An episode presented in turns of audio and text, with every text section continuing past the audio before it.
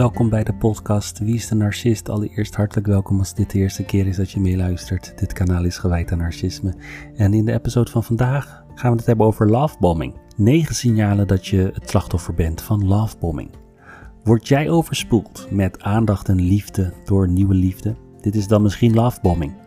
Het kan in eerste instantie leuk en opwindend zijn dat iemand de deur voor je openhoudt en je aanbidt en bewondert. Bij lovebombing raak je overweldigd door de lieve woorden, gebaren, daden en gedrag. Let op, lovebombing is een narcistische manipulatietechniek. Pas op, voor je het weet zit je gevangen in het net van een narcist. Lovebombing wordt vaak gebruikt om het vertrouwen en de genegenheid van de ander, het slachtoffer, te winnen, zodat ze hun doel kunnen bereiken. Hoe herken je lovebombing en wat is het gevaar van lovebombing? In deze episode leg ik dat aan je uit, zodat je jezelf ervoor kunt behoeden. Wat is lovebombing? Lovebombing betekent letterlijk liefdesbombardementen. Je wordt platgegooid met allerlei vormen van lovebombing die je moeten overtuigen dat de ander je superleuk vindt. Je krijgt veel complimenten van de ander, ook in het bijzijn van anderen word je overspoeld met liefde. Je krijgt cadeautjes, verrassingen, er wordt voor je gekookt en er worden allerlei beloftes gedaan voor de toekomst, ook wel future faking genoemd. Dit lijkt perfect te gaan. De ander geeft al snel toe het gevoel te hebben dat jullie soulmates zijn en elkaar eindelijk hebben gevonden. De ander is zo lief, zorgzaam, teder en lijkt jou echt te snappen. Dit lijkt haast te perfect om waar te zijn. Vindt de ander je ook daadwerkelijk leuk of is het een façade die iets anders verbergt? Is de ander daadwerkelijk een soort prins op het witte paard of toch eigenlijk een creep? Bij lovebombing zit je al snel vast in een serieuze relatie. Eigenlijk iets te snel. Opeens zijn jullie een serieus koppel, terwijl je eigenlijk pas weinig echte dates hebt gehad. En dan word je verrast door de ware aard van de ander. Vaak is de lovebomber namelijk een narcist. Als je ook maar een beetje richt op iets anders in het leven dan je partner, wordt je partner woest en noemt hij of zij jou egoïstisch. Dit is een signaal dat hun masker een beetje afzakt. Je partner is geen prins op het witte paard, maar is in werkelijkheid een narcist en jij bent erin getrapt. Hoe herken je lovebombing? Oké, we gaan het nu hebben over enkele signalen van lovebombing. Dit betekent overigens niet automatisch dat je partner giftig is of een narcist. Luister naar je eigen intuïtie. Lijkt het te mooi om waar te zijn, dan is het waarschijnlijk ook zo. Signaal nummer 1. Ze verwennen je met cadeaus. Het gaat bij lovebombing vaak over overdreven gebaren. Bijvoorbeeld het sturen van ongepaste cadeaus, het sturen van bloemen naar je werkplek of het betalen van een dure vakantie. En je kunt het cadeau niet weigeren, want dat accepteren ze niet.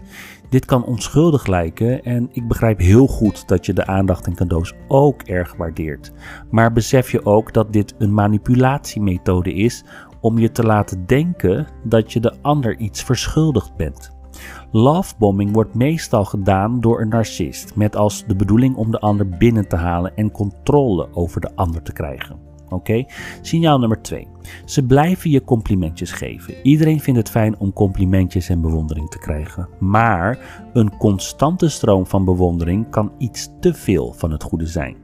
Als de ander al na korte tijd zijn eeuwige liefde uitspreekt, zou er een alarmbel moeten rinkelen. De gevoelens van de ander kunnen niet oprecht zijn. Enkele uitspraken van de Love Bomber. Ik vind alles aan je superleuk. Jij bent de enige persoon bij wie ik wil zijn. Ik heb nog nooit iemand ontmoet die zo perfect is als jij. Deze zinnen lijken op zichzelf onschuldig, maar in de context waarin ze worden gezegd, kunnen ze zeker een gevaar laten zien. De context bij lovebombing is dat deze uitspraken niet vallen in een liefdesrelatie van 20 jaar, maar al na enkele dagen dat je de ander kent. Signaal nummer 3. Ze bombarderen je met berichten en telefoontjes. Word je een beetje moe van alle berichtjes van de ander? Voel je je hierdoor overweldigd? Constante communicatie is leuk als je nog maar net aan het daten bent. Maar als deze communicatie eenzijdig aanvoelt en je je overweldigd voelt, zou dit een signaal kunnen zijn van lovebombing. Tip: schrijf op wanneer je een bericht ontvangt. Is dit s morgens, vroeg, en daarna elke uur, precies rond het verstrijken van het uur, dan heb je te maken met lovebombing in de letterlijke zin van het woord. Signaal nummer 4. Ze eisen al je aandacht op. Wanneer je je even op iets anders richt, kan de ander boos of ontevreden worden en spreekwoordelijk schreeuwen om je aandacht. Dit lijkt eerst nog schattig, maar let op, dit zijn duidelijke narcistische trekjes. Ware liefde eist niet je volledige aandacht, tijd en energie op, maar is gebaseerd op wederzijds respect. Signaal nummer 5. Ze proberen je te overtuigen dat jullie soulmates zijn. Dat jullie echt samen horen te zijn. Dit weten ze perfect te verwoorden. Zo perfect dat het wel een Hollywoodfilm lijkt. Dus let op, echte liefde en relaties lijken niet op films. Bijvoorbeeld, God heeft ons bij elkaar gebracht. We zijn geboren om samen te zijn. Het is het lot dat ons bij elkaar heeft gebracht. Jij begrijpt me meer dan wie dan ook. Wij zijn soulmates. Signaal nummer 6. Ze zetten snel de volgende stap. Lovebombers zetten je onder druk om overhaast grote plannen te maken voor de toekomst. Ze spreken al snel over samenwonen en of trouwen ook als je de ander nog maar zeer kort kent. Echte relaties hebben echter tijd nodig. Je moet elkaar leren kennen en vertrouwd met elkaar raken. Het is echt onwaarschijnlijk dat een persoon na twee weken al meer van je houdt dan wat dan ook ter wereld. En ook niet al na twee dagen of twee maanden. Dit moet groeien. Signaal nummer 7. Ze raken van streek als je grenzen stelt. Dit is een mooie test of je daadwerkelijk te maken hebt met lovebombing. Als je grenzen stelt, raken ze van streek en vertraag je hun plan en manipulatie. Dan zullen ze je blijven manipuleren om te krijgen wat ze willen. De lovebomber verwacht daadwerkelijk dat je hun tsunami van liefde accepteert. Signaal nummer 8. Het is nooit genoeg. Het maakt niet uit hoeveel tijd, liefde en aandacht je ze geeft. Het is nooit genoeg. De lovebomber gaat door en wilt steeds meer tijd, aandacht en energie van je ontvangen. Vraag je jezelf dus af: voel je je verplicht om de overdaad aan appjes te beantwoorden omdat je een duur cadeau hebt ontvangen? Voel je je op een andere manier schuldig als je de ander niet direct beantwoordt. Dit kan een signaal zijn dat de ander je manipuleert. Dan zit je al in een giftige relatie waar geen sprake is van wederzijds respect. Signaal nummer 9. De intensiteit van de ander overweldigt je. Ze gaan recht op een doel af, in volle snelheid. Je weet nooit wat je kunt verwachten en voelt je verplicht om mee te gaan in deze rollercoaster. Oprechte liefde voelt niet overweldigend, maar is geduldig, vriendelijk en zachtaardig. Het gevaar van lovebombing. Zit je nog in de beginfase van een relatie en voelt alles erg overweldigend? Heb je het gevoel dat de ander veel te snel wilt gaan? Twijfel je aan de tsunami aan liefde, cadeaus en aandacht?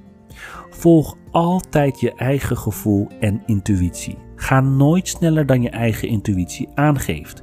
Het gevaar van lovebombing is dat de ander een narcist is. Een narcist lijkt eerst nog lief, charmant en is super attent, maar onbewust zit je steeds verder vast in het net van manipulatie van de narcist. Als je je dit realiseert en je de narcist langzaam ontmaskert, is het eigenlijk al te laat. Daarom moeten alle alarmbellen gaan rinkelen bij lovebombing. Hoe sneller je uit de beginnende relatie stapt, hoe meer je jezelf beschermt tegen de emotioneel en sociaal verwoestende klauwen van de narcist. Geloof me, ik heb het vaak gezien. Je komt niet ongeschonden uit een relatie met een narcist. Een relatie met een narcist geeft ontzettend veel stress. De narcist zal proberen je emotioneel te breken en je afhankelijk te maken. Dit is de meest pure vorm van manipulatie, inclusief een slachtoffer. Jij bent het slachtoffer, maar relatietherapie heeft geen nut meer. Je moet breken met de narcist. Daarom is het erg belangrijk om nu actie te ondernemen. Begin met de meest logische eerste stap. Herken lovebombing. Ja, dat is het onderwerp voor vandaag. Ik hoop dat het een interessant onderwerp is geweest. Als het zo is, laat je reacties achter in de commentbox via mijn YouTube kanaal Wie is de Narcist. Deel je ervaringen met elkaar En like deze video, abonneer je ook op mijn kanaal. Dat zal ik zeer op prijs stellen. Bedankt voor het luisteren voor vandaag en tot de volgende keer.